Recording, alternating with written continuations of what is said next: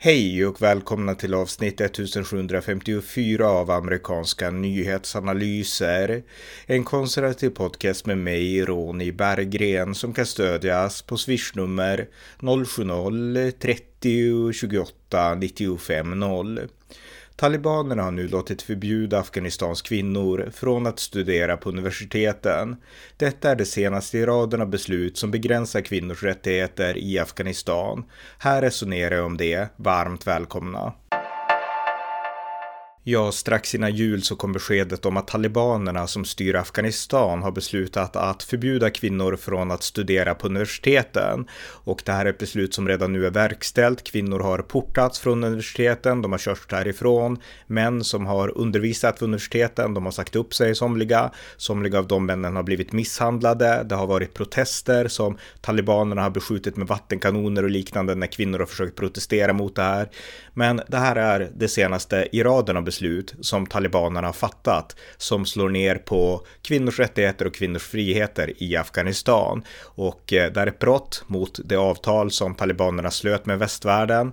Eh, för att backa historien lite grann så var det så här att när USA lämnade Afghanistan i augusti-september där 2021 på order av president Biden då hade man som villkor utifrån ett avtal som slöts redan våren 2020 av Donald Trumps administration att man skulle respektera vissa grundläggande mänskliga rättigheter och då inte minst kvinnors och flickors rättigheter i Afghanistan.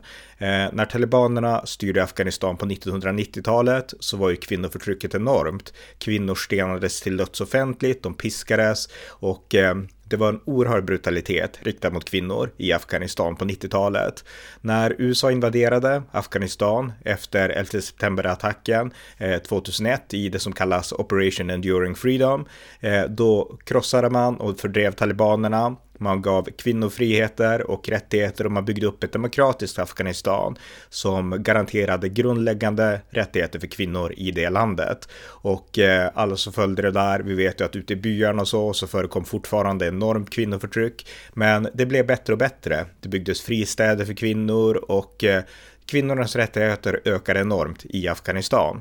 Eh, och det här var ju någonting som USA ville bevara även när, även när Donald Trump förhandlade om att lämna militärt Afghanistan 2020 och när Joe Biden tog det steget längre och faktiskt gjorde slag i saken och lämnade Afghanistan så ville man ändå att kvinnors rättigheter skulle skyddas. Och eh, det här var någonting som de flesta kritiker menade det skulle inte ske. Talibanerna hade inte förändrats för de hade samma teologi i grund och botten, samma syn på islamisk lag som de hade på 1990-talet. Det var inte förändrat. Så att många som var kritiska till det här tillbakadragandet och till USAs naiva eller kanske liksom sitt önsketänkande om att talibanerna skulle tillgodose västs krav på kvinnors rättigheter. Eh, många som var kritiska menade att talibanernas tänkande har det ju inte förändrats alls. Men det var ändå det som eh, Biden-administrationen hoppades på. Och eh, ungefär en månad eh, efter tillbakadragandet i november 2021 då när tillbakadragandet hade fullbordats då sa Pentagons talesperson Ned Price han betonade att vi har skickat en delegation till Qatar för att diskutera med, med talibanerna där om framtiden nu då och delegationen betonar att talibanerna lovat att upprätthålla kvinnors och flickors och minoriteters rättigheter. Och delegationen, de förmedlar att talibanerna har, de, de har sagt att de, de, ska stödja kvinnors och flickors rätt till utbildning och eh, de säger att världen får gärna hålla dem ansvariga inför det och så vidare. Så att eh, Pentagon, eh, Biden-administrationen, de satte sina förhoppningar där direkt efter tillbakadragandet på att talibanerna verkligen skulle hålla sitt ord. Och Donald Trump hade faktiskt själv sagt att om ni inte håller ert ord i förhållande till terrorism och annat, att stävja terrorism, då kanske vi kommer tillbaka. Men sen har Donald Trump också yrat på om att talibanerna är våra nya partner i kampen mot terrorismen och sådär. Så att både Biden-administrationen och Trump-administrationen har liksom glidit bort från målet att värna den afghanska demokratin. Och den kollapsade ju totalt såklart när USA lämnade, talibanerna tog över och de senaste, Eh, ja det senaste ett och ett halvt året blir det väl nu då, så har ju Afghanistan varit ett, eh, ja, en islamisk stat, en isla, ett islamiskt emirat. Och eh, till en början så hade man, alltså att kvinnor fick fortsätta att leva och verka relativt fritt. Men under året som har gått, det dryga året som har gått nu, så har ju det här ändrats steg för steg och kvinnors friheter och rättigheter har liksom dragits ner, dragits ner i omgångar. Och eh, det började redan i september 2021, alltså direkt när talibanerna tog över. Då förbjöd man inte liksom flickor att gå i skolan, utan man segregerade bara klassrummen så att flickor och pojkar undervisades i olika klassrum och flickor fick bara undervisas av antingen äldre män eller av andra kvinnor. Eh, sen i mars 2022, då förbjöd man flickor eh, i, i grundskolan från att gå i skolan. De fick inte gå i skolan. Det var ju många filmklipp då på gråtande flickor som grät för att de fick inte gå i skolan längre. Alltså, ja, små flickor helt enkelt. Ehm, I maj 2022 då kom talibanerna med ett påbud om att kvinnor skulle hålla sig, alltså inomhus och så täcka sig alltid helt och hållet, täcka sina ansikten och så när det var utomhus. Ehm, I augusti 2022 eh, så ja, då började de här protesterna, kvinnor som demonstrerade och många vart misshandlade och sådana saker av talibanerna.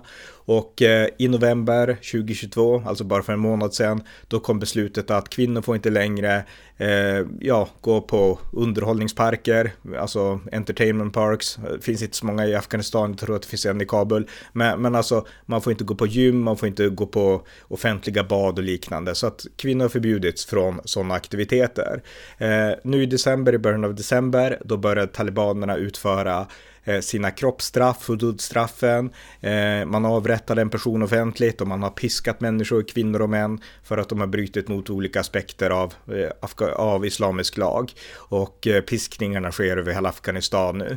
Så att eh, talibanerna har steg för steg återgått till att ha blivit talibanerna på 1990-talet. Precis det som vi kritiker, jag var en av dem, varnade för skulle ske om man lät Afghanistan falla i talibanernas händer igen.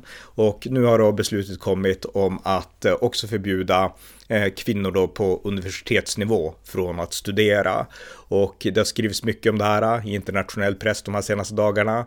Och en talesperson för FN, Stephanie Dujarric, han har förklarat att, eller, att det här är väldigt problematiskt och att det här är ja, ännu ett, ett liksom övergivet löfte från talibanerna som ändå lovade att liksom upprätthålla kvinnors rättigheter. Men nu kan vi se att man lovade det och man gav läpparnas bekännelse bara för att USA skulle lämna. Nu när USA väl har lämnat och det inte finns någon realistisk chans för USA att återvända igen eller för väst att återvända, då backtrackar man helt och nu är man tillbaka i princip snart på hur det var på 1990-talet. Och talibanerna har också förbjudit kvinnliga hjälparbetare för att arbeta i NGOs, non-governmental Non-governmental organizations, som då arbetar med hjälparbeten i Afghanistan. Och det innebär också att hjälpen, nödhjälpen som väst ändå ger till Afghanistan fortfarande, den kommer också att få mycket svårare med sin logistik och liknande. Och eh, det här kommer öka svälten, det kommer öka medicinbristen, alltså alla de här eh, misären i Afghanistan kommer att öka på grund av det här beslutet att förbjuda kvinnor. Så att eh, det här är vad talibanerna har gjort. Och eh, ja, väst reagerar nu med protester. Och jag tycker att det är viktigt att förstå att det här är en eh, eh, ja, det här är en konsekvens verkligen av det västerländska tillbakadragandet från Afghanistan. Som sagt, det började med Trump eh, och det fullbordades med Biden. Men det här är också det USA gjorde. Mycket skuld lades från europeiskt håll på Biden-administrationen. Idag är vi bästa vänner då på grund av Ryssland, men eh, hösten 2021 när USA drogs tillbaka så var kritiken från Europa ganska stor.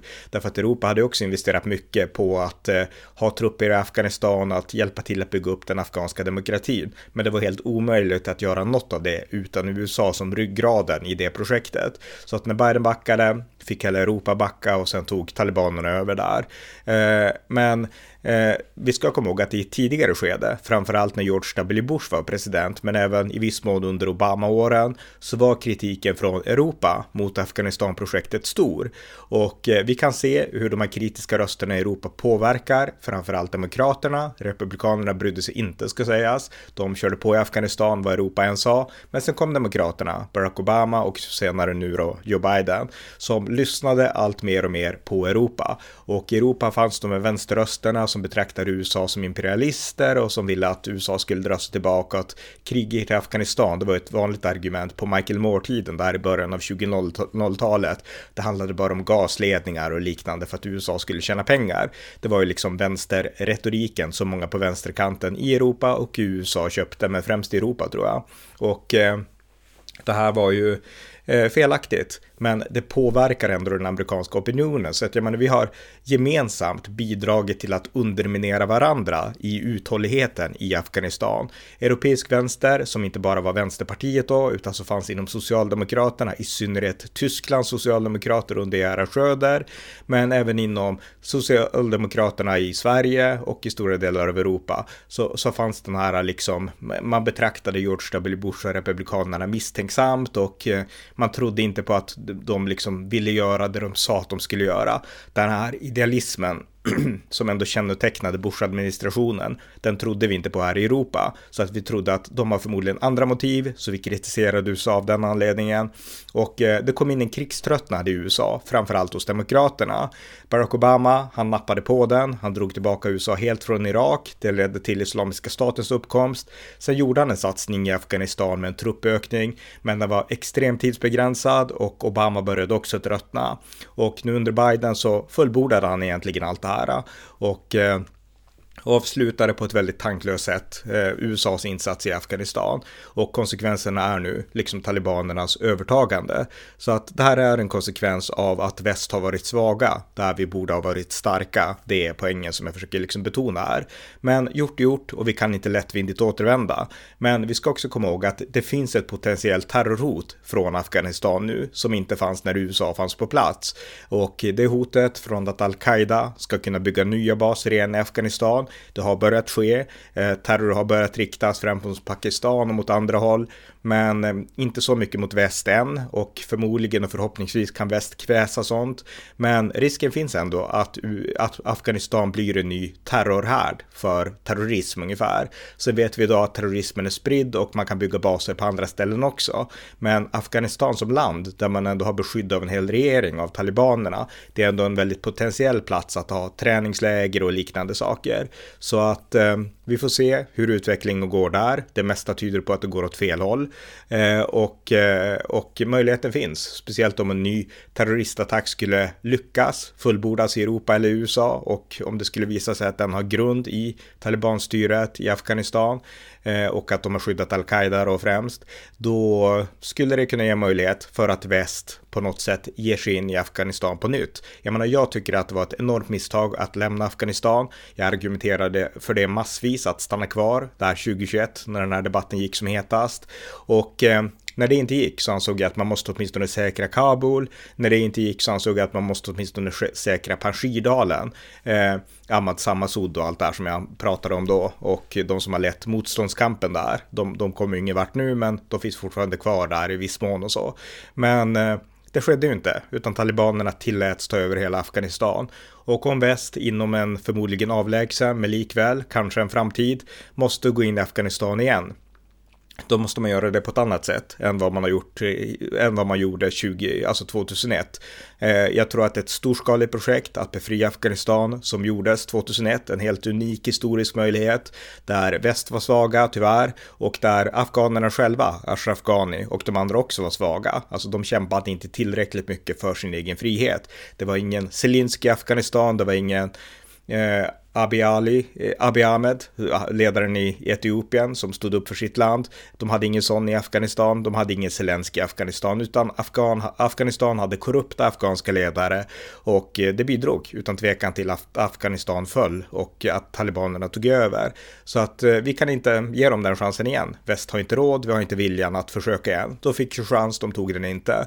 Men skulle väst behöva gå in igen så skulle vi däremot kunna säkra mindre områden, kanske Pashirdalen och definitivt Kabul och sen bygga en enorm säkerhetszon där som är ogenomträngbar för talibanerna. Det är precis det vi borde ha gjort, därför att talibanerna har inget stridsflyg, de har liksom ingen träning till avancerade vapen alls, utan de har sina små bomber, vägbomber och liksom vapen och sina bilar möjligtvis. Men alltså de har ingenting militärt att sätta emot väst. Så att, att ringa in hela Kabul med en stor mur eller någonting och skydda Kabul och sen utifrån Kabul ta tillbaka del efter del av Afghanistan.